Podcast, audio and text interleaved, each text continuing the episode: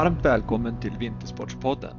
Jag heter Willy Berlin och har lång erfarenhet av idrott av olika slag. Jag har varit aktiv på alpin landslagsnivå och varit ledare inom idrott på såväl föreningsnivå som förbundsnivå.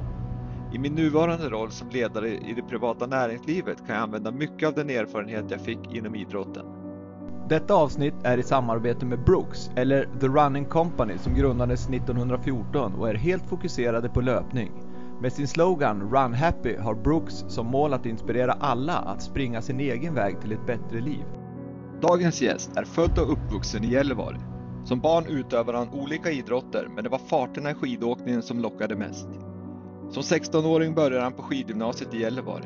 Han utvecklades under åren på skidgymnasiet till en duktig slalomåkare och fick sitt stora genombrott 1988 genom att ta junior-VM-silver i Madonna di Campiglio.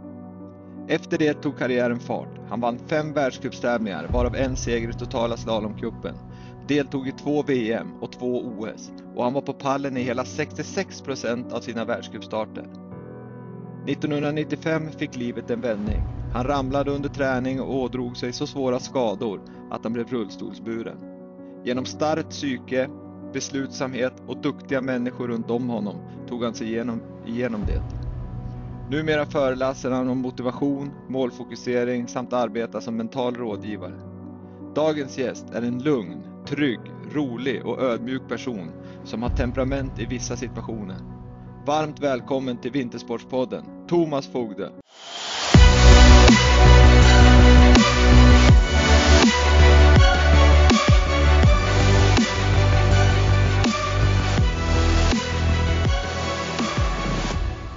Tusen tack!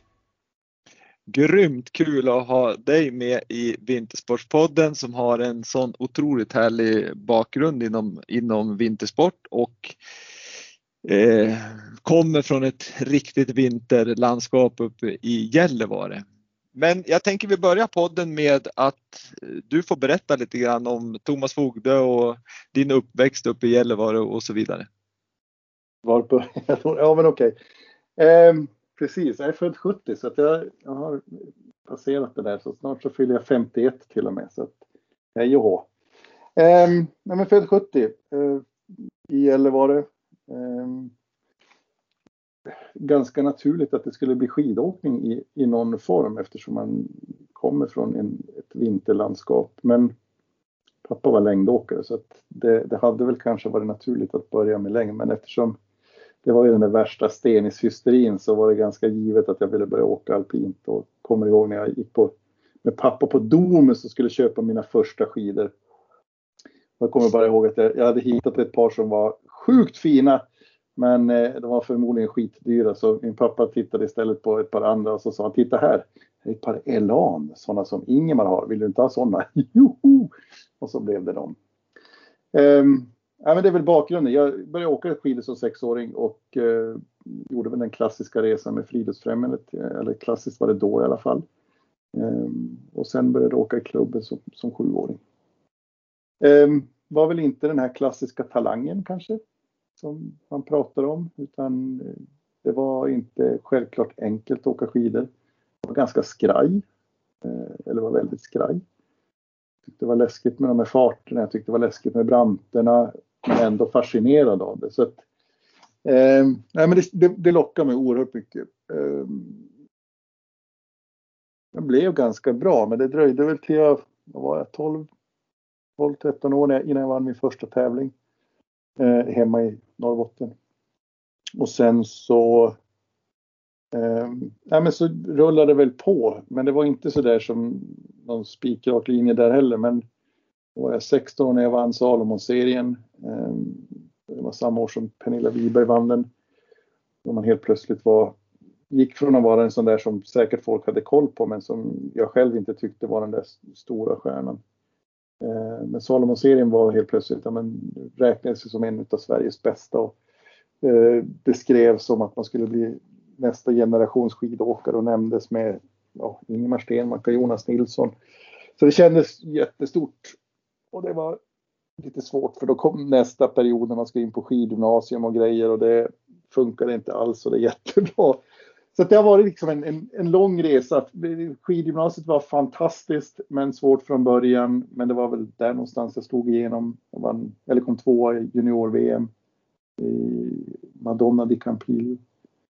Ehm, klassiskt. Klassiskt. Ja, exakt. Nej, men det kändes lite grann som man hade hört, hört på tv liksom hur det här det är svenskbacken och det är klart att de nu som noterade det i, i media på den tiden sa ju naturligtvis det också.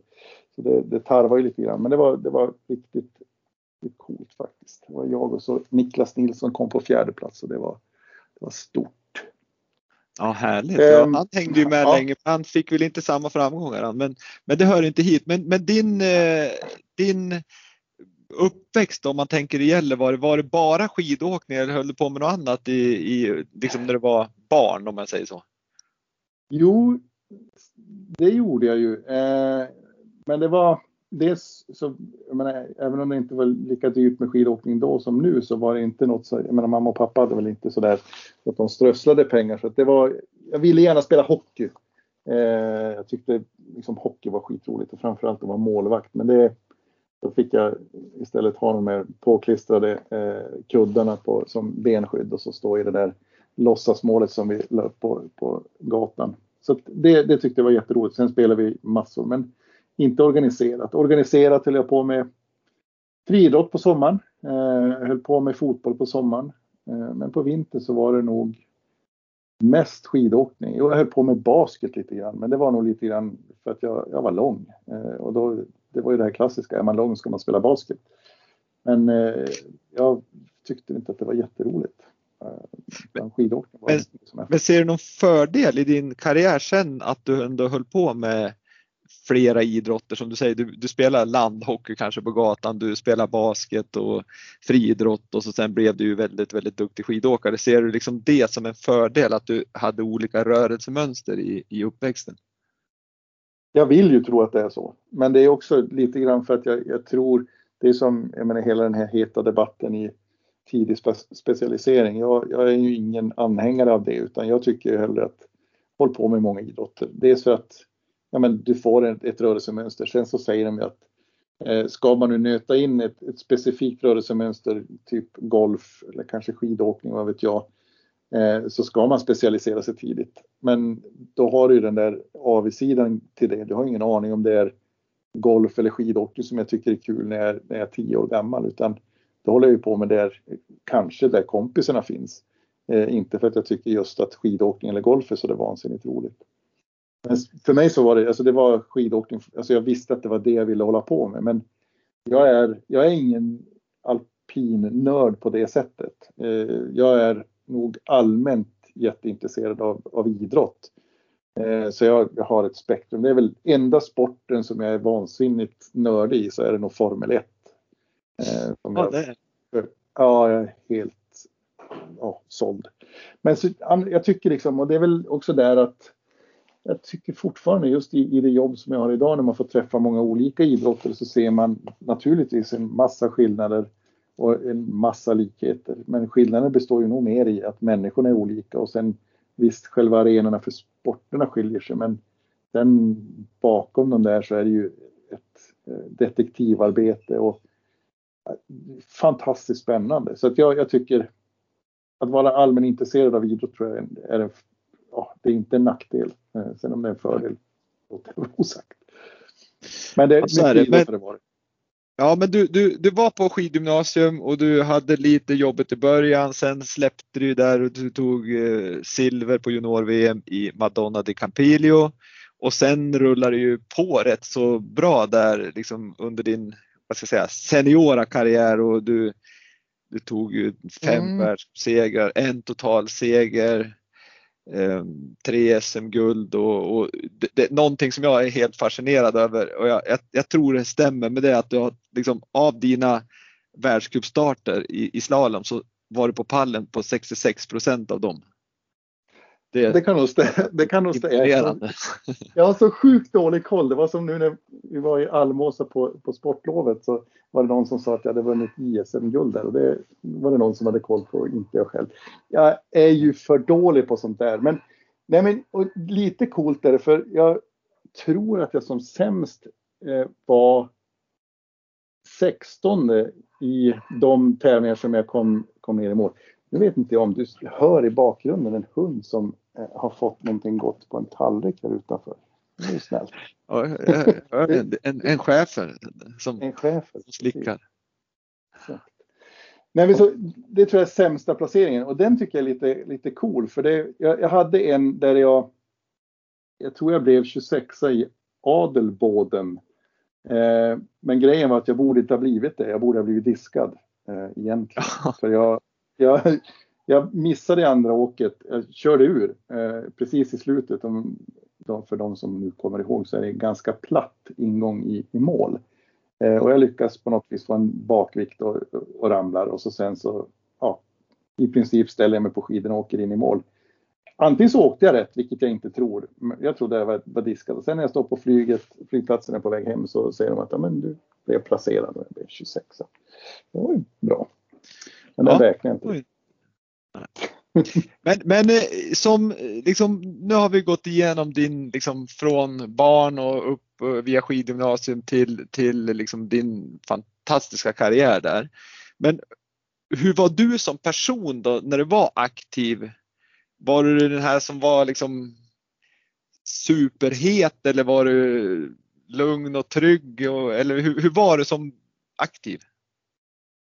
Jättebra fråga. Eh, ska man egentligen fråga någon annan. Nej, vad fasen, vad- hur var jag? Jag tyckte ju själv att jag var för det mesta ganska cool, tror jag. Eh, jag kunde bli grymt frustrerad. Alltså när, ja men du vet ju själv, när man letar någonting eh, och är nära det men inte riktigt kan ta på det. Man får inte till det. Eh, och så kanske man nosar lite grann på det och så sen så i nästa försök så är det borta igen. Och det där, då kunde jag nog både en och två proppar åka i proppskåpet. Eh, så jag kunde nog vara ganska Ja, men jag, kunde nog låta rätt illa i backen ibland. Jag har ett sånt tillfälle när jag sa några icke välvalda ord när sporten var och filmade. Så att jag, nej, det, jag är nog både lugn och ganska het. Mm. Tror jag. Ja, det, det, du har ju Det- sett mig in action, kommer Ja. du ihåg? det är väl den synen kanske tänkte jag säga som det är en ganska bra beskrivning att lugn men, men när det väl brann till så tror jag det brann till ganska ordentligt. Så det är nog en bra, en bra beskrivning av dig själv. Hade jag sagt eh, något annat så hade du sagt att du ljuger. Ja, precis. Nej, men 93 vann du i Åre som jag minns som var helt fantastiskt när du liksom tampades mot Alberto Tomba, liksom den stora superstjärnan inom alpint som du fick kanske äran att tävla mot. Jag vet inte hur du ser det själv, men, men det är ju en härlig profil om inte annat. Men där 93 så dammar du hem totala världscupen plus att du vann på hemmaplan eh, i, i Åre. Det, det var ju helt underbart. Och så sen, ja, sen körde du OS 94. Men sen så hände ju det här 95 då eh, i Åre när du skadade. Eh, Då kan man ju som bara tänka liksom hur förändrade det synen på eller hur blev livet efter en sån skada? Va, hur, hur lyckas man som person från att ha haft de här framgångarna, från att vara aktiv och så hamnar man i din, i din situation. Hur, hur lyckas man jobba med sig själv och ta sig ur det och gå vidare? Ja du, det, då har vi. Det är en lång eh, berättelse, ska jag dra den korta? Nej men det, det var ju en djävulskt tung period. Um, och den, jag menar 26 år senare så lever jag fortfarande i den på ett eller annat sätt. Uh, jag menar det, följderna av det som hände är ju fortfarande ganska tydliga. Men, man säga då, det eh, men det, det är väl där som man ser den, framförallt den gemenskap som, som idrotten har gett har ju varit en, en fantastisk del av den, det som kom sen. Eh, jag var ju precis livrädd för vad, vad skulle livet bli egentligen när, när jag var van att leva på ett sätt. Jag menar, det här med skidåkning och det var ju ganska snabbt. Jag menar, helikoptern på väg till från Åre upp till Umeå där jag ska opereras så var jag ju redan klar på att nu är det slut med, med den tävlingskarriären. Även om man någonstans hoppades att det skulle finnas något under i andra änden. Men ganska snabbt när de hade opererat så, så var det ju ganska tydligt att det här det, det ser inget bra ut och du kommer sitta resten av ditt liv i rullstol.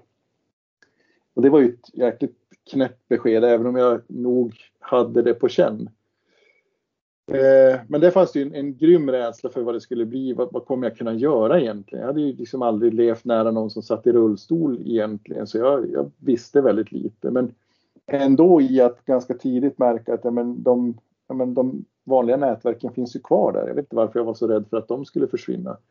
Eh, men jag hade ja, men familjen naturligtvis. Eh, men det var också en sån där påminnelse att de är inte självklara någonstans. Men vännerna nära, de som fanns inom skidåkningsfamiljen och sen de som man hade träffat genom åren, ja, men de, de fanns där. Inte så att de satt och höll i hand på något vis, men eh, visade på olika sätt att, att de brydde sig om och, och fanns där i andra änden när, när, när jag behövde dem. Och det, det var ovärderligt. Och det är klart att det, ja, det gjorde det ju lättare, även om det var sen fyra och en halv månad på sjukhus som var, var slitig naturligtvis, eh, men oerhört nyttiga. Och sen att försöka omformulera, vad fasen ska jag göra nu? Jag var ju helt inställd på att jag skulle, när skidåkningen var slut så ska jag söka in till polisskolan och så förhoppningsvis följa i, i pappas fotspår. Det var liksom den planen och den, den gav jag ju upp ganska snabbt. Så att det, det, är klart att det gör saker med människan, självklart, men samtidigt så vill jag ju tro och hoppas att jag är ungefär samma människa som jag var, var innan. Men sen har jag ju en, en tydlig markör på den där livslinjen där ett, ett före och ett efter. Det, det går inte att komma ifrån. Nej, för jag tänker liksom just det där när du ligger på sjukhuset, du, du får mer eller mindre reda på att det, det blir nog rullstol resten av livet. Och som, som ändå ja, du var ju ung då, liksom, du var 25 år. Att, att då ändå kunna handskas med det och, och det måste ha varit liksom en, en otrolig svår period. Hade du bra hjälp kände du från, jag menar fick du från sjukvården eller fanns det någonting från skidförbundet som, som kunde hjälpa dig med den mentala biten att, att ta det vidare så att säga?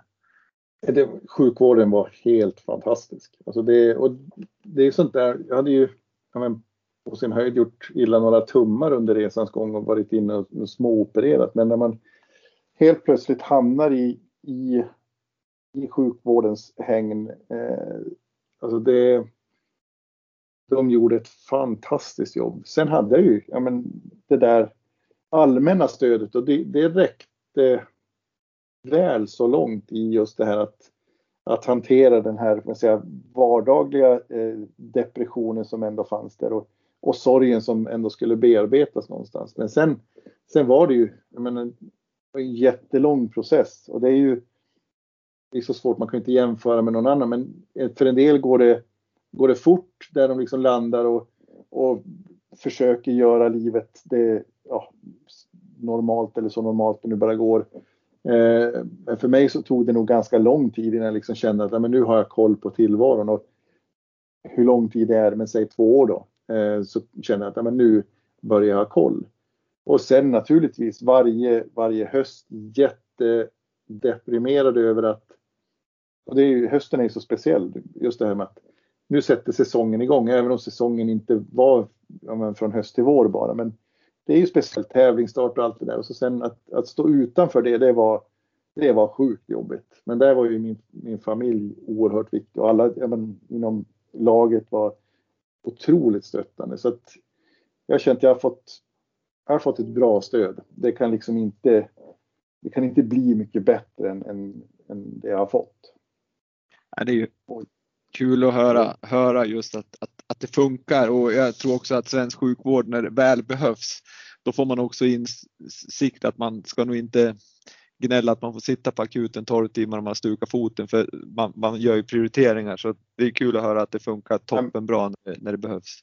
Precis, Nej, men, och det är ju det är ju tyvärr så. Man, det är säkert så att det blir tok någonstans och det, någon känner sig eh, fel, felaktigt bemött. Men det är de gångerna vi, vi hör någonting från sjukvården. Sen alla under och mirakel de gör resten av, av dagarna och timmarna, de, de passerar bara som ett, ett, ja, inte ens ett jaså för vi får inte ens se dem.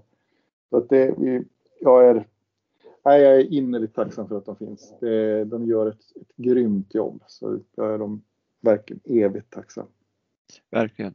Men, men du säger att det var ju ett litet liksom före och efter skadan i ditt liv. Men hur har det liksom har för, synen på livet förändrats och har du som person liksom förändrats mycket? Du sa att du inte har, du, du hoppas att du är kvar i samma, liksom, du är Thomas Fogde nu också, men kan du se att det har förändrats någonting?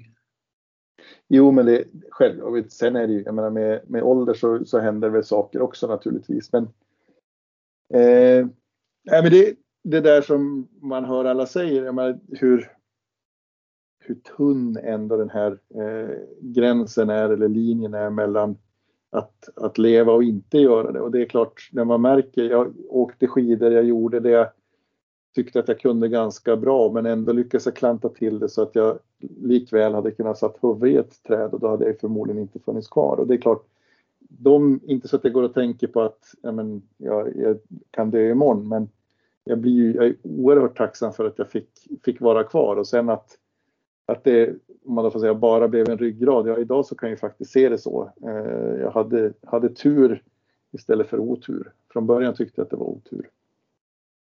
Ja, så det, det är klart att det, det har påverkat mig.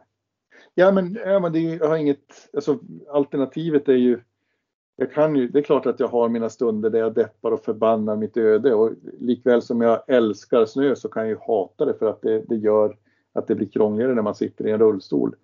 Eh, så det, är ju, det finns ju alltid två sidor av myntet men just när det kommer till med att, att ja, ha varit nära någonting som kunde ha slutat riktigt illa, det är klart att det, det formar en och det, det hör man ju många som har råkat ut för saker och får den här, om man får kalla det andra chansen, så det, är ju, det blir lätt så att man känner sig tacksam för det. Men jag, jag säger inte att jag går omkring och är som en, eh, en levande eh, sprattelgubbe och tycker att livet är toppen så, så är det inte heller. Nej. Men det jag, det jag liksom tänker lite på när jag ser tillbaks på dig som aktiv och där du också kanske beskriver lite själv som jag ska inte säga, det låter som, men introvert och du kanske inte var den som stod längst fram och, och skrek att, att, att, du liksom var bäst och hej och hå liksom. Utan, men därifrån till att vara idag liksom, du, du står på stora scener inför stora folksamlingar och, och föreläser och, och liksom gör det jätte, jättebra där ser jag en stor skillnad som, som jag tycker, eh, det, det kan, är det någonting som kom från skadan eller är det bara att du har liksom lärt att bemästra? Jag tror nog det är det senare. Nej, jag, jag tycker fortfarande att det är, det är en utmaning. Det är jätteroligt att stå på scen. Det trodde jag aldrig att jag skulle säga. Eh, när jag gick i skolan så verkligen hatade jag att stå inför folk. Eh, men det, det, kom sig nog från att ja, jag tyckte jag hade någon typ av av uppgift. Eh, det låter ju som att jag fick någon, någon, något kall från något håll, men så var det inte. Utan det var mer det här ja, men att, att dels ha någonting att göra eh, och tipset, eller idén att, men ska du inte föreläsa kom från min, min rådgivare Kate Karlsson som också var rådgivare åt Gunde Svan. Eh, och Gunde hade liksom börjat föreläsa. Jag hade lyssnat på Gunde och tyckte han var helt fantastisk på att föreläsa. Men det var liksom när, när han drog den så kände jag att nej men, jag är, alltså jag, jag kan inte stå inför folk och prata, det går inte. Och just det där man, men som jag kommer ihåg Gunnar, han pratade ju en timme. Och det, men en timme prat själv, det är ju en evighet i, i min värld i alla fall. Men det, det väckte någon, någon, typ av tanke eh, som ändå liksom inte riktigt kunde släppa och känna att nej, men jag, jag ska åtminstone testa. Just för att jag tyckte att ja, men jag hade den där uppgiften i att försöka nyansera det här med, med toppresterare eh, och bilden av dem som några supermänniskor eh, som står över allting annat utan försöka nyansera den bilden lite. Så det var liksom där det började. Och upptäckte att jag, jag tyckte det var ganska kul men jag tyckte det var väldigt svårt. Eh, och det blev lätt en historia. Så där är ju började jobba tillsammans med, med Johan Plate ganska tidigt, eh, min kompanjon eh, och kompis. Eh, och det, där hittade jag liksom ja, ett sätt att, att få ut mitt budskap på ett sätt som jag kände mig bekväm med. Dels att jag kunde berätta en historia som, som Johan kunde dra de teoretiska växlarna på. Det var otroligt skönt och gav mycket liv och mera kunskap i, i budskapet. Så där hände det någonting. Så jag har hållit på i ja. dryga 20 år och tycker det är fortfarande lika roligt. Ja, nej, för jag har ju jag har haft förmånen att lyssna på både dig och eh, Johan Plate som, som också en, eller också han är ju en väldigt liksom entertainer och gör väldigt bra på scenen samtidigt som han har det teoretiska. Men, men när, när Kate Karlsson tog in dig på det här spåret och, och du och Johan Plate kopplades ihop, har du liksom hur har du utbildat dig? Har är det via Johan Plate eller har du gått på universitet eller är det learning by doing? Hur, hur vad är din inte väg? Universitet. Inte universitet. Äh, Johan har varit och är en eh, fantastisk handledare, mentor. Eh, en som kan både den teoretiska och praktiska eh, idrottspsykologin. Ja, tänkte jag säga bäst i Sverige, det får man inte säga. Men probably, eh, som de säger i, i reklamen. Eh, jag tycker han är ja. fantastisk. Att, eh, dels där, sen kurser men inte universitet. Vilket jag kan ibland ångra lite grann. Nu skyller jag på att jag blir för gammal men det är, det är faktiskt inte sant. Eh, men det, och sen praktiskt. Jag har varit ute i, i verkligheten väldigt mycket men jag, jag, passar mig noga för att ge mig in i den, den, typen av problematik som jag inte kan. Känner jag mig minsta osäker så eh, ser jag till att personen hamnar på ett bättre ställe än i närheten av mig. Mm. Men det är bra, en bra mix då med, med Johan som är lite mer teoretisk och du har den praktiska eh, erfarenheten så, så kan ni komplettera varandra väldigt bra. Ja men det är så vi ser det, det och det, det fungerar oerhört bra. Eh, och det, sen är det ju också konstigt att i vissa sammanhang så, så tycker idrotten att det är värdefullt att man har, att man har gjort det själv. Eh, att ha stått där på start eller ja, vet villkoren och det kan jag tycka ibland blir lite tokigt för det är inte bara för att man har stått där själv så är det inte säkert att man vet hur, hur den som jag har framför mig ska handskas med, med situationen. Så att, eh, det är lite knepigt. Ja, det förstår jag för att jag menar om vi, om vi då kopplar din roll som du har idag där du mm. kanske, eller du baserar ju den på erfarenhet naturligtvis och sen har du lärt dig under loppets gång. Men när du själv var aktiv, jobbar du någonting med, med den mentala biten då eller körde du bara på? Nej, jag jobbade faktiskt eh, de, de, de sista två och ett halvt året så jobbade jag med en kille som heter Ingvar Bengtsson. Eh, gammal seglare. Och Han också hade jag. Fantast... Ja, du hade också honom? Jajamän. Bra där. Då vet du vad han är för filur. Det, det kom sig från Johan Wallner eh, som jag åkte i laget samtidigt som eh, jobbade med Ingvar och jag Eh, blev otroligt nyfiken för de verkar dels ha så sjukt roligt tillsammans eh, och sen fick de ut så mycket av det. Så jag blev nyfiken. Annars var jag ganska skeptisk till ämnet. Men det var ju mer för att då visste, alltså det, vi hade Unestål, eh, Willy Railo och det var ungefär det. Det eh, var inte så mycket mer och det var definitivt inte, inte så hett eh, då.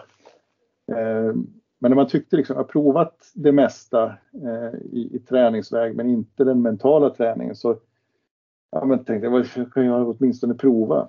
Eh, men det är också sånt där som, ja, men det är lätt att säga efteråt, man ångrar att man inte gjorde det tidigare men det, inte kan jag göra så där i, i efterhand. För jag, det var liksom inte självklart enkelt att liksom vara men som man hör en del som det bara, ja men de bara gör. Men jag var nog lite för mycket av en tänkare ibland och analyserade och funderade och Eh, där var Ingvar en otroligt viktig person som kunde få en att sortera lite grann och sen kanske fokusera på det som är väsentligt. Men, men just det du säger där att, att man, man, man har ju erfarenheter som aktiv och nu jobbar du med, med, med aktiva med mental träning och målfokusering och motivation. Men, men samtidigt så är det en fara kanske liksom att utgå bara från sina, som du sa, där, från dina erfarenheter för att alla är olika. Men hur jobbar du med, med de här? Om du får in en aktiv, liksom, hur, hur lägger du upp det? Du, för du måste ju försöka förstå just den här personens problem och, och möjligheter och så vidare. Och det där, från början så var det jättesvårt eh, när jag jobbade tillsammans med en som eh, åkte eh, slalom.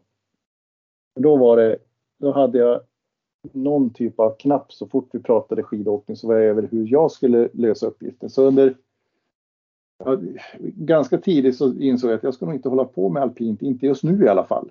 För att eh, det blir inget bra, för jag utgår från mig själv och det, det är det sämsta du kan göra som rådgivare. Men idag så är det ju betydligt enklare, för idag så är jag så långt ifrån min, min egna aktiva karriär. Visst, det kan vara kul att dra någon anekdot möjligtvis, eh, men då är det mer på, på skojkontot än någon typ av lärokonto. Men mycket, alltså, det handlar ju om en kartläggning, alltså förstå vad är det för människa jag har framför mig? Eh, hur ser utmaningen ut? Eh, jag vill, om det nu finns möjlighet, vilket har varit lite knepigt under senaste tiden, men att, att få liksom en bild som inte bara kommer från från personen själv utan det är ju bra om man också kan inhämta lite information från om möjligt tränare, eh, föräldrar kanske om de finns nära. Eh, eller att kunna se, se personen på plats när de gör. Och sen när man liksom landar i, ja men det är de här sakerna som, som vi behöver börja jobba med, eller du behöver börja jobba med. Eh, så går man över i, i, i ren träning och det är ju det här som en del tror att träningen kommer att uppta eh, lika mycket tid som den fysiska träningen, men det är ju faktiskt inte så alls. Utan visst, en del övningar kanske du behöver lägga lite mer tid på på sidan om den, den ordinarie träningen. Men mycket handlar ju om att implementera i, ja, i din vardag. Och i, det handlar ju kanske inte bara om när du står på din idrottsarena eller den arena som du nu har valt. Utan det kan vara i skolan eller hemma eller i bilkön. Vad det nu är. För det finns ju möjlighet att träna på på många saker på olika ställen. Det behöver inte vara grenspecifikt. Och sen är det utvärdera. Och så är ju den här rundgång, rundgången hela tiden för att se, gör vi rätt? Eh, men ganska, alltså eh, beroende på var i säsongen man är så är det olika mycket frekventa möten. En del möten tar fem minuter och en del tar betydligt längre. för jag tänker på just det här med mental träning lite grann. Jag får känslan liksom att nu ska jag, nu drar jag alla över en kam, men det, det gör jag inte utan. Men jag får känslan ändå att, att, att man, när man pratar mental träning med många aktiva, då är det ungefär som att ja, men jag har en mental tränare som ska lösa mitt problem. Det är, liksom, det, det är lite annorlunda för när man tränar fysisk träning då, då vet man själv att ja, ska jag bli starkare i benen så ska jag köra benböj. Men, men det måste ju vara otroligt viktigt att du kan ju ge förutsättningar men individen det är ju den som måste ändå förstå problemet och träna mentalt. Nej, och det här, det som du säger nu är jätte, jätteviktigt. Och jag, det, jag tror, ja, om inte första så någon av de första mötena så säger jag, det brukar alltid vara första. Jag har inget trollspö eh, och jag vet ingen annan som har ett trollspö utan det här är sånt som eh, är precis som med all annan träning, sånt som du behöver jobba med. Men att vi då med den erfarenhet som vi har kan, kan stötta dig i den här processen. Men det är inte, vi sitter inte inne på en lösning. Hade jag suttit på den då hade jag förmodligen ja, varit ohemult rik. Eh, för då hade man kunnat göra någonting unikt. Men det, jag, jag, känner ingen som är sån som sitter inne på all kunskap. Det finns säkert någon. Nej, för jag, jag tror att mycket handlar väl borde handla om att du, du vägleder någon framåt och, och, och, komma på liksom andra tankar och tankemönster och så vidare och, och få dem att förstå. Det, det är väl det som kanske är ditt trollspö. Ja, men, och det är ju men det är som för alla som tror i alla fall som jobbar på den här sidan just att men, och det är bara att gå till sitt eget föräldraskap. Alltså att försöka säga barnen att göra på ett visst sätt. Så lika fort som som man har sagt det så har de glömt bort det. Kan de däremot hitta sitt sätt att göra det som jag vill att de i slutändan ska få gjort, ja men då, då blir det helt plötsligt någonting annat och motivationen är mycket, mycket högre. Och det, sen lyckas jag inte med det som förälder, där är jag nog förmodligen den sämsta, det är en förälder, men också mentala rådgivaren inser jag. För mycket känslor emellanåt. Det är ja, men så det, ja, exakt, skomakarens barn. Eh, precis så är det. Nej, men så det, det, handlar ju om att, att hitta hitta sitt sätt att göra det på. Och det kan, ja, men just det här med att kunna säga att men så här gjorde hen. Eh, och det kan vara bra som en början. Men viktigast är ju någonstans att men för att du ska hitta ditt sätt att göra det på så behöver du undersöka. Och det är precis, jag menar, det, den är alltid, alltså den, den fysiska eller tekniska liknelsen fantastisk att ta till som, som metafor. Jag menar, du, i en, i en slalomsväng så, så letar du ju någonting. Det är inte bara så att du, du ställer dit den och så fungerar det utan du letar ju nyanser och det är precis på samma sätt när du försöker hitta ett sätt att, att förhålla dig till nervositet eller att, att hitta ditt sätt att fokusera på eller eh, din förberedelse på start. Hur ska den vara egentligen för att du ska känna att du hamnar på rätt anspänningsnivå? Och ibland så behöver den bli mer och ibland så, och kanske mer vanligt så behöver den bli mindre. Vad gör du egentligen? Och det, är ju, det vanligaste är ju när alltså nästan alla säger ju det att ja, men jag får inte ut det jag har på träning på tävling. Och det är ju ja, men bara det att börja titta på hur, hur stor är skillnaden mellan träning och tävling? Och den blir ju naturligtvis jättestor i, i meningen av att vi har kanske tio åk på en, en träningsdag kontra två på en tävlingsdag. Det, där uppstår ju en press som är någonting helt annat. Men sen är ju, höll jag på att säga, allt annat lika. I alla fall när det kommer till själva genomförandet. Men sen visst, du är styrd till en tid när det är din tur att åka och allt det där. Men förberedelsen uppe på start borde rimligtvis se hyfsat likadan ut. Mm. Men det finns, alltså det är, det är sjukt spännande och alla har, alla har sitt. Eh, och det är, ja, men som jag sa tidigare, just det här med att det finns liksom inte, finns så många olikheter. Det spelar ingen roll vilken idrott man håller på med utan alla har sitt.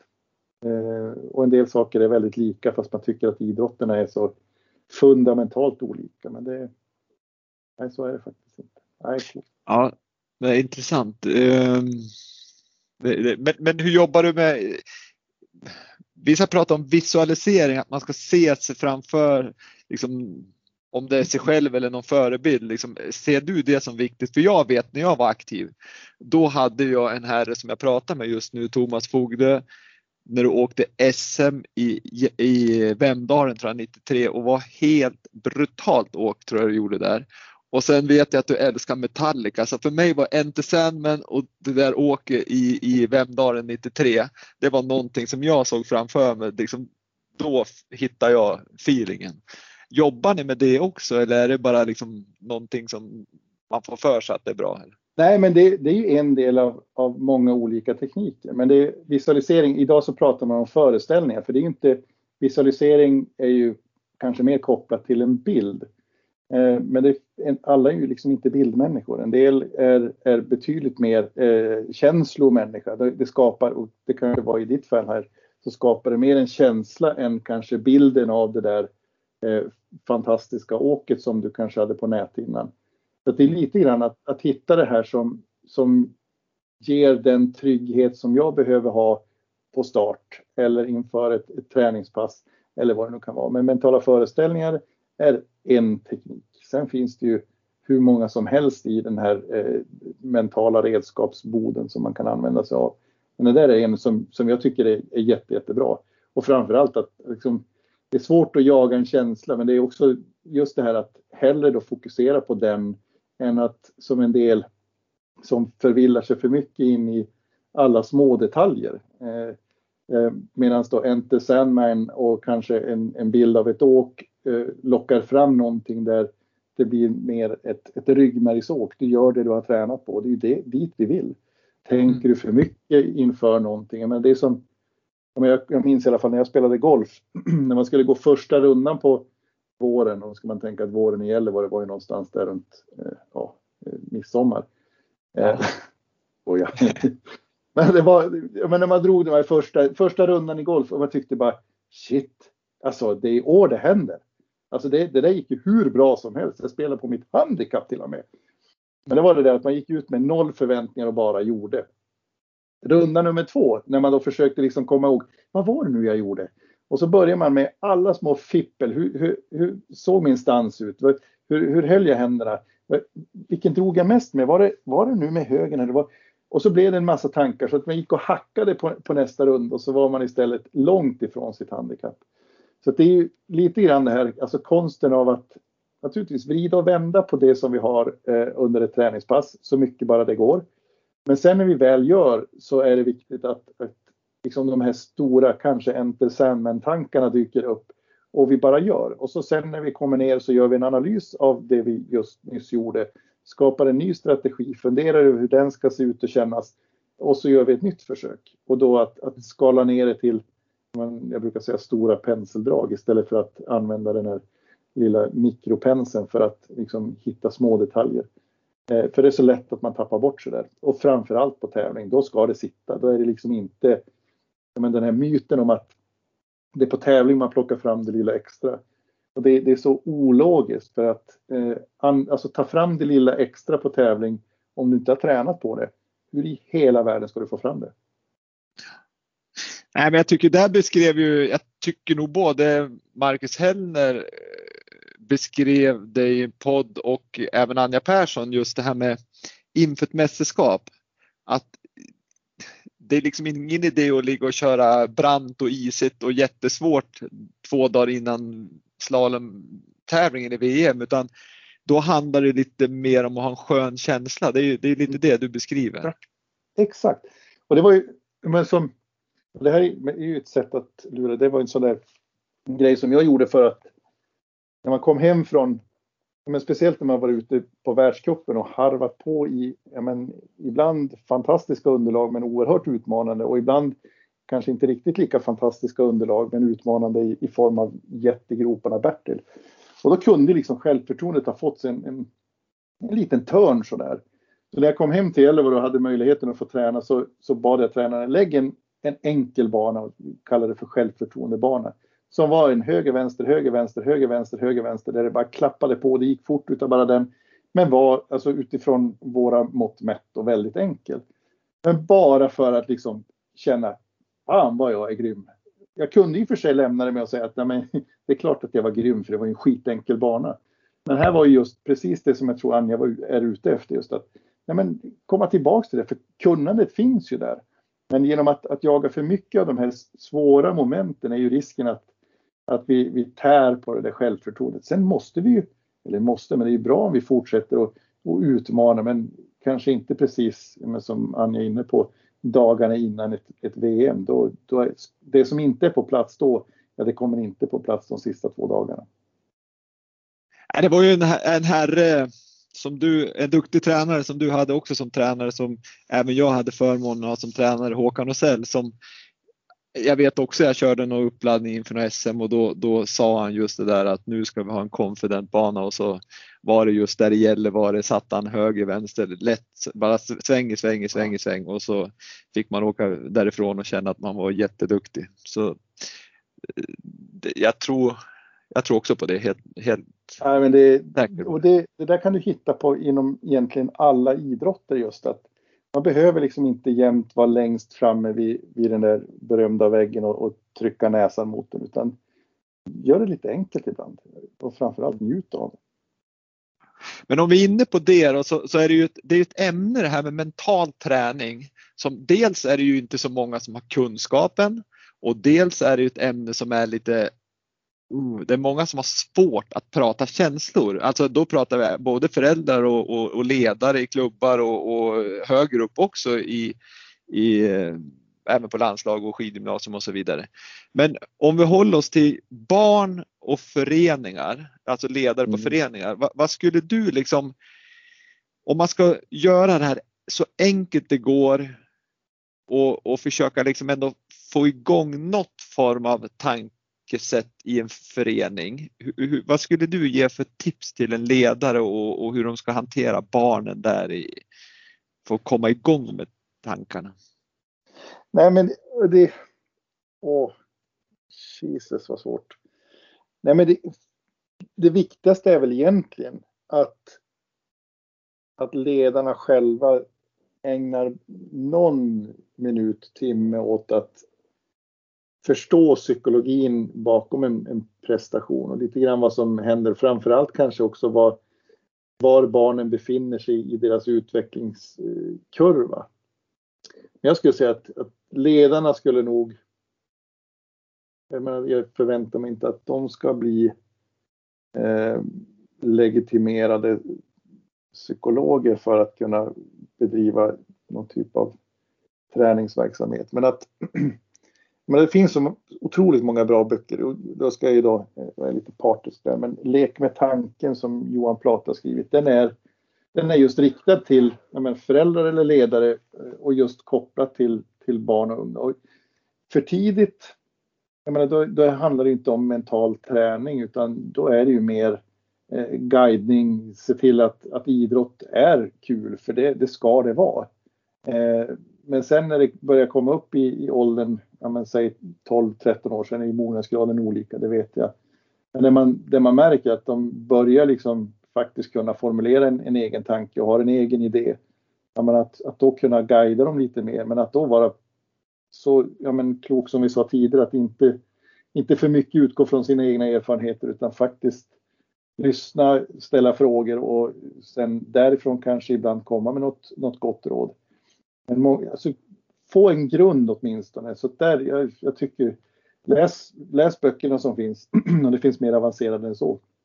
Eh, och sen en annan sak som jag tycker, som jag har, liksom, nu ska vi inte utgå från erfarenheter, men om, om någonting som man själv har varit med om på kanske både som ungdom men även sen när man höll på att åka på högre nivå så var det ju precis det du sa att man fick känslan av på tävling att nu, nu, ska det, nu ska det vara något annorlunda. Man laddade upp annorlunda. Man märkte att tränarna var hetsigare än vad de var normalt. Och där tror jag, nu ska inte jag säga dina ord här, men, men som ledare är det också viktigt att man tänker till kanske på tävling och liksom avdramatiserar lite. Att, att nu är det precis som när vi var och tränade i, i, på Dunder här i, i torsdags. Exakt, Nej, och det där är jätteviktigt. Och just, jag menar, det, det, och det tänker ju inte, det bara gå till sig själv när man ser sina barn i, i olika situationer så blir, blir det ju på ett annat sätt. Och i och med att, jag menar, det är klart, föräldrar barn är ju en, en speciell relation för de kan ju se menar, minsta detalj. Men det är ju samma sak, de lever ju så mycket med sin tränare så de ser också när, när de börjar bete sig annorlunda. Så att de kanske också behöver hitta sätt att hantera sin nervositet på, eller åtminstone vara medveten om att den finns. Nej, men, du har helt rätt. Och just det här med också att eh, avdramatisera det eller göra det så likt som det bara går. Jag menar, det, hjärnan tycker om att, att le, leta de där liknelserna. Och är det för mycket som går utanför så blir den ju helt plötsligt på sin vakt. Jag menar, det är bara som en sån enkel sak som inom vår, vår gamla idrott så skillnaden mellan att besikta på träning kontra tävling kan vara eh, ja, en halvtimme. Träning så ja. sladdar du igenom lite snabbt eh, och tycker att du kan banan, vilket många faktiskt kan. Men blir det då på, på tävling, då ska man ägna hela besiktningstiden som kan vara en timme åt att besikta. Eh, och redan där så är det ju signalerat att nu är det viktigt. Och så går eh, systemet upp i alarmläge.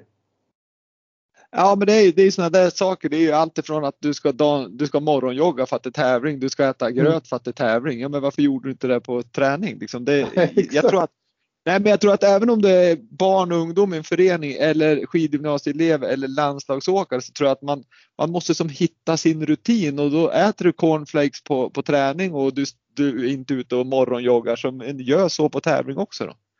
Exakt.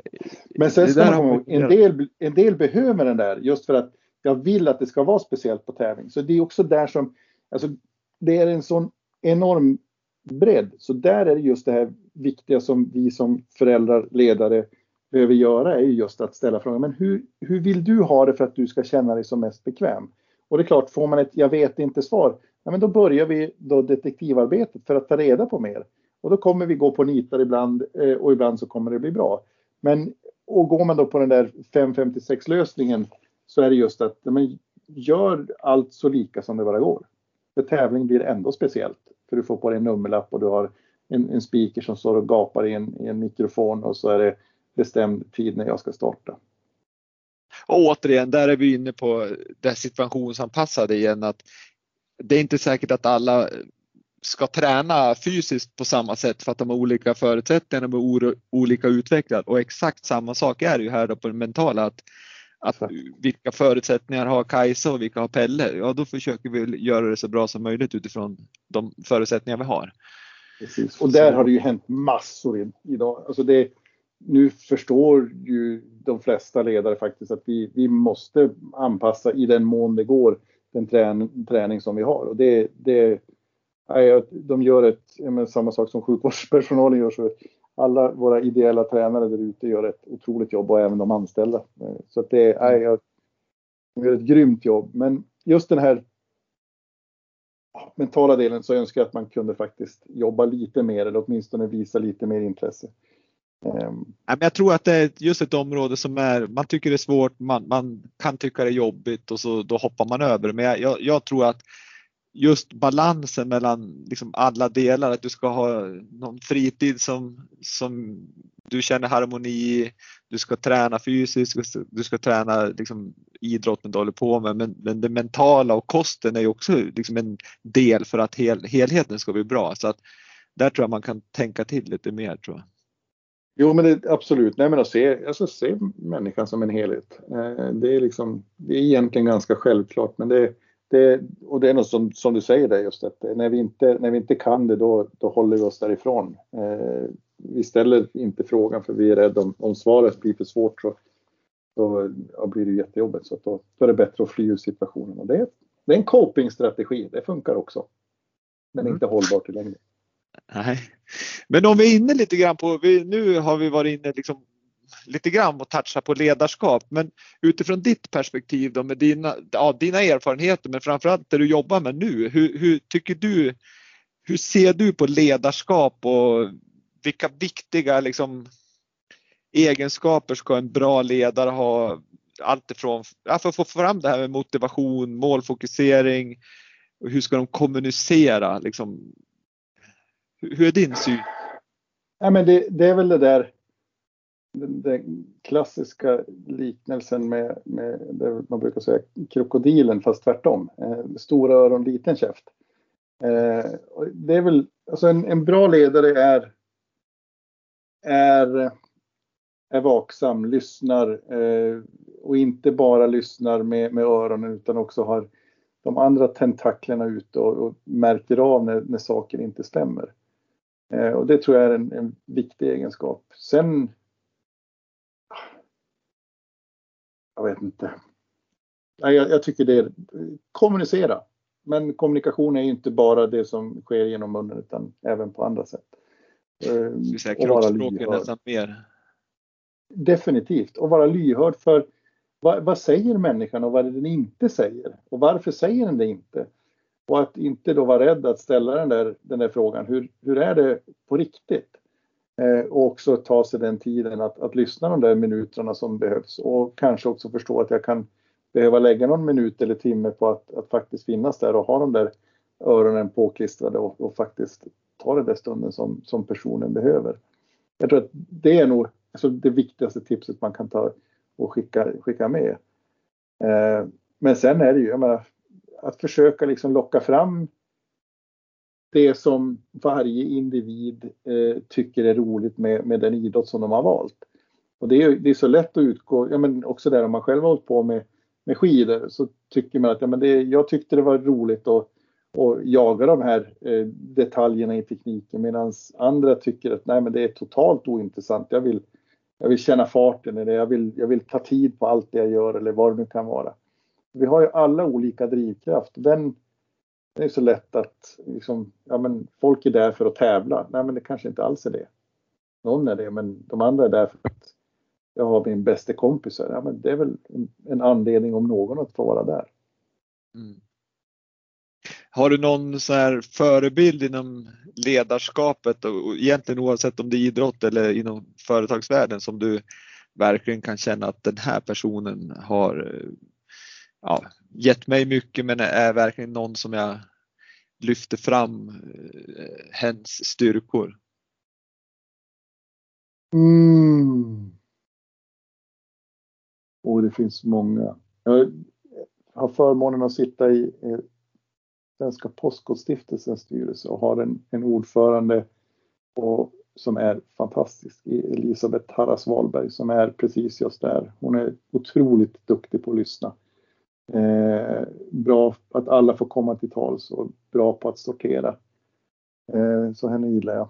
Eh, Hans-Olof Blom som är koncernchef på, på Ramudden som är fantastisk på att få folk eh, med sig, att se människor, att, att se det som många pratar om mångfald, eh, det har de på riktigt. Eh, kom till oss och gör ett bra jobb. Sen, jag menar, vem du är där bakom, men det, det är väl din ensak. Men vi vill, vi vill ha dem som vill vara här och jobba och göra ett bra jobb. Och där är liksom, eh, och Ramudden känner man inte till dem så jobbar de med eh, mycket på väg. Så det, med, med, en fördomsfull bild så skulle man kunna tänka sig att det är ett gäng sådana som jag, medelålders gubbar som jobbar där med kanske för många öl innanför magen. Men det, det är en salig blandning av människor. Det är unga, gamla, det är tjejer, killar. Det är alla varianter och det, det på något vis eh, det speglar nog Hans-Olof Blom eh, och stöttar sina, sina individer och, och ser dem. Eh, vet han att det är någon av hans anställda som eh, är sjuk så då, då sätter han sig i bilen och åker dit för att säga hej. Eh, det var ett tillfälle när jag hade brutit eh, lårbenshalsen så eh, han som vanligt mycket att göra men tog sig ändå fem minuter och kommer upp på avdelningen för att säga hej. Och det, sånt är stort. Mm, verkligen. Sen, och de har gjort en fantastisk resa också ska vi säga. De, de, och, och, de jobbar mycket med alltså, säga, personalvård, både fysiskt och psykiskt. Så det är ju Nej, de gör det här på riktigt och det, de, de vill. Sen, jag menar, det är som med allt annat, så allt blir inte rätt men de försöker. Och det, det, är liksom, det är det som är hela grunden, att kunna känna någonstans stödet i att jag, jag, har, jag har förtroendet att Eh, och jag vet att de här människorna står bakom mig. Så det är eh, fantastiskt. Och så gör ju de, eh, eller, eller, eller de du säger och, och lyfter fram så, så känns det som att de det blir för många gånger när man pratar om, om, om att man ska göra fina saker och det ska vara personalvård och så vidare så blir det lätt en sån här papperstiger där man har skrivit fina dokument. Men det handlar ju sen om att verkligen göra det här och, och visa att man bryr sig. Återigen till hur man kommunicerar att man bryr sig, att det är kroppsspråk och det är visa, liksom, ja, visa sina känslor för personer man sitter med. Exakt. Det är, det är en sak att säga det och en annan sak att göra det. Ja. Nej, det, det är otroligt. Och går vi på idrottssidan så har jag haft så otroligt många bra ledare. Så det, och sen är det inte alla som kanske har varit, jag menar om vi då tar Håkan Åsell, eh, salig, så fantastisk ledare men kanske inte alltid jordens mest psykologiska i alla lägen. Även om han kunde det väldigt väl.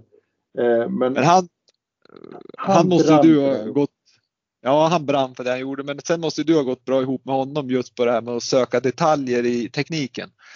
För det var ju han eh, liksom fenomenal på oavsett om det var fotboll, golf eller slalom så var det liksom all in på den.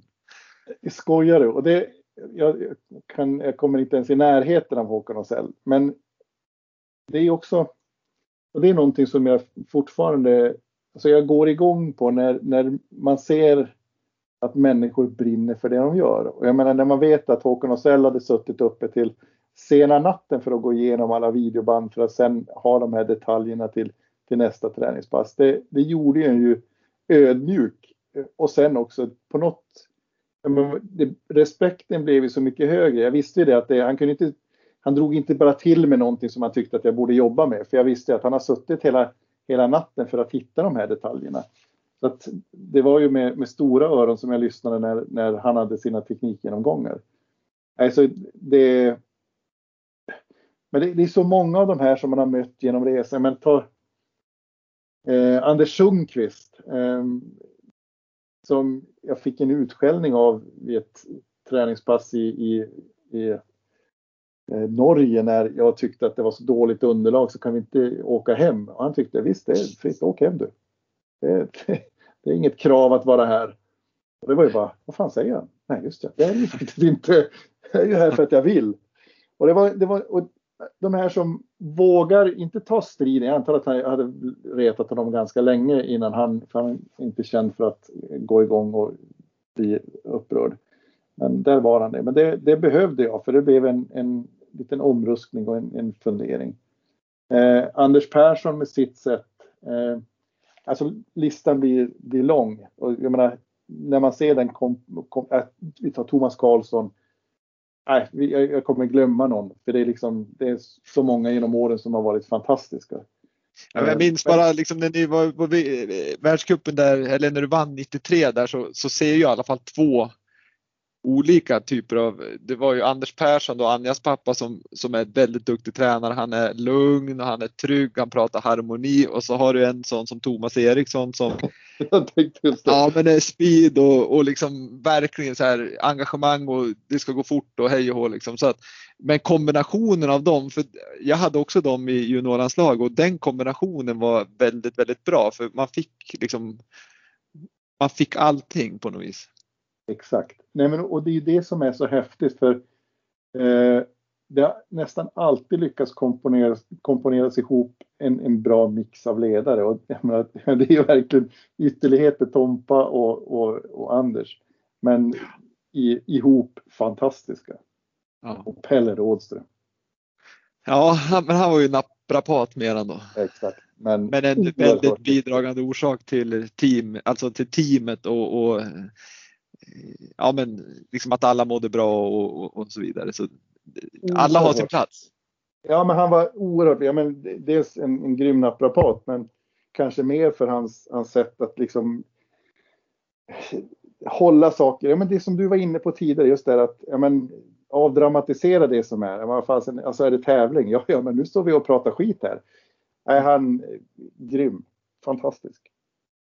Ja, men det är intressant att höra Thomas. Det är otroligt eh, liksom, kul att, få prata om sådana här saker med dig och vi skulle kunna sitta i flera timmar tror jag. Men, men vi ska försöka avrunda den här podden med tre saker. Det är dels en lyssnarfråga och det är en generell fråga som jag ställer till alla. Men sen är jag faktiskt intresserad av en sak till som vi får försöka hålla lite kortare. Men, men det är ju ett viktigt engagemang som du har och som du egentligen startade tillsammans med många andra, Kate Karlsson och Janne, vad heter Janne? Ramberg. Ja.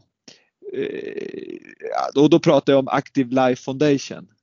Ja. Kan du, kan du berätta lite grann kring Active Life Foundation? Dels hur det uppkom kom och vad de jobbar med liksom, idag? Ja, Active Life startades eh, för att hjälpa skadade idrottare tillbaks till ett aktivt liv igen. Eh, och det kom sig från att, eh, ja, av naturliga skäl. Jag var oerhört välförsäkrad genom min rådgivares försorg, men eh, förstod att så ser det inte ut för alla. Eh, och då uppkom idén att vi skulle starta en, stiftelse där vi samlade in pengar där eh, idrottare av olika slag kan söka bidrag för rehabilitering, operationer eller om du behöver hjälpmedel. Allt för att snabbt komma tillbaks till din idrott igen. Eller om så krävs så ska du kunna skaffa dig din, som det blev i mitt fall, en, en tennisrullstol för att kunna spela tennis. Eh, och det, det har vi hållit på i 20, snart 26 års tid eh, och delat ut massor med pengar till eh, olika typer av eh, Eh, av insatser i form av operationer och, hjälpmedel i, i mängder. Eh, så vi finns där för, för idrottare som gör sig illa. Sen så har vi också ett, ett annat ändamål att, att prata just för att vi ska se till att eh, idrottaren är väl försäkrad. Eh, och det där är ju, jag menar har man den ekonomin så kanske det är lätt men för, för många så, så är det kanske inte alltid så enkelt att lägga de där tusenlapparna på en försäkring. Så skulle olyckan vara framme och man behöver lite stöd och hjälp för en operation eller något hjälpmedel så kan man söka från Active Life.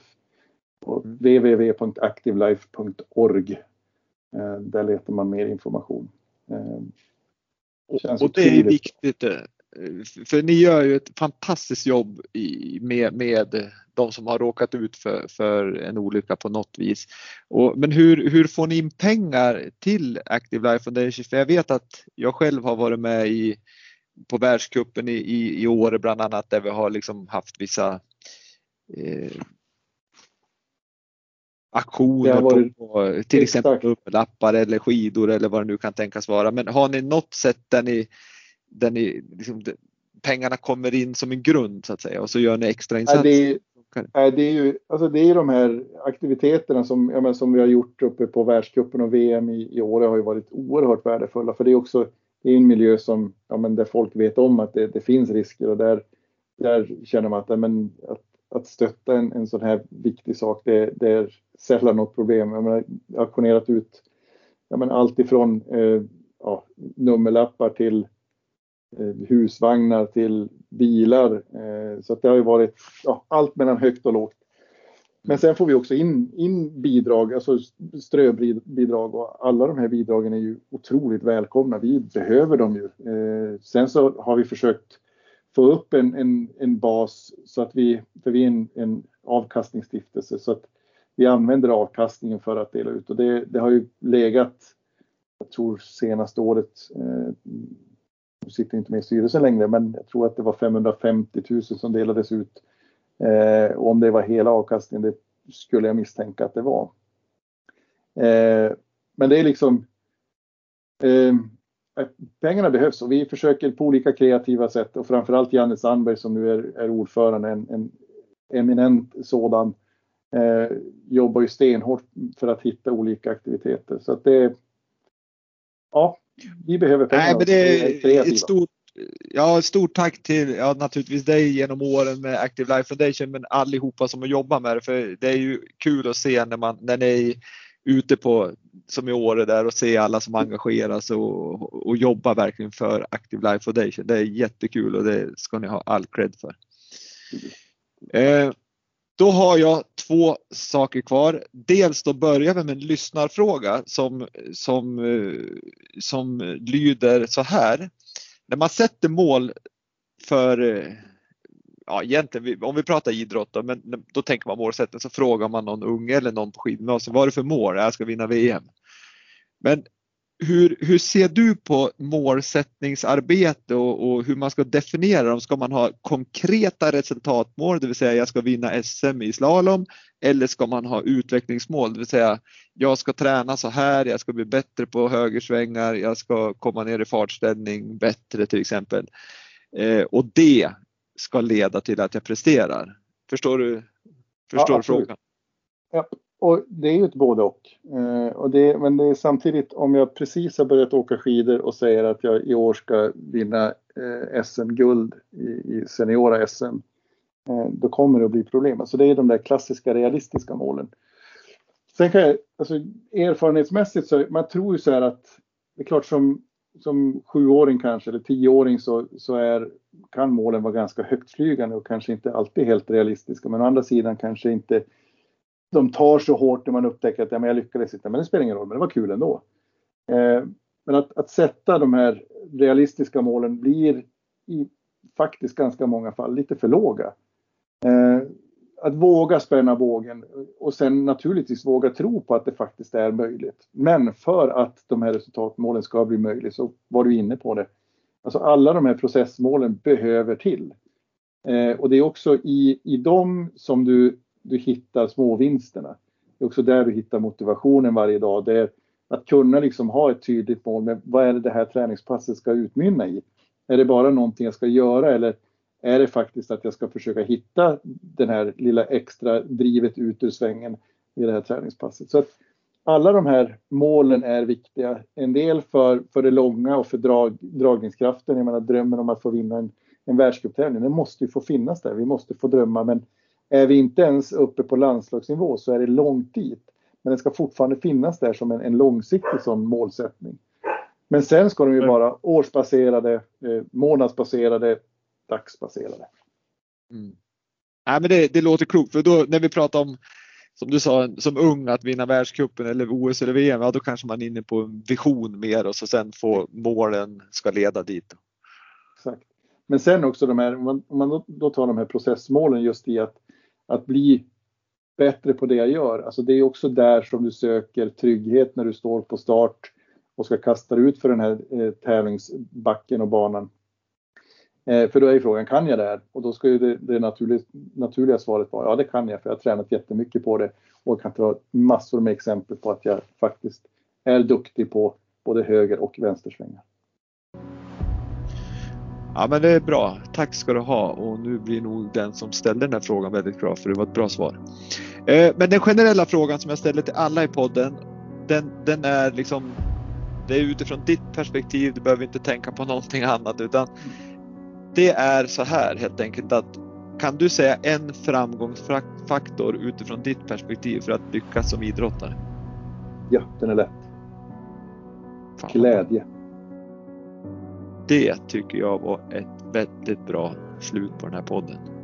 Enkelt, bra och det är bra oavsett om du vinner eller kommer sist. Så ha, bara ha glädje, då blir livet enklare. Så kan man väl sammanfatta.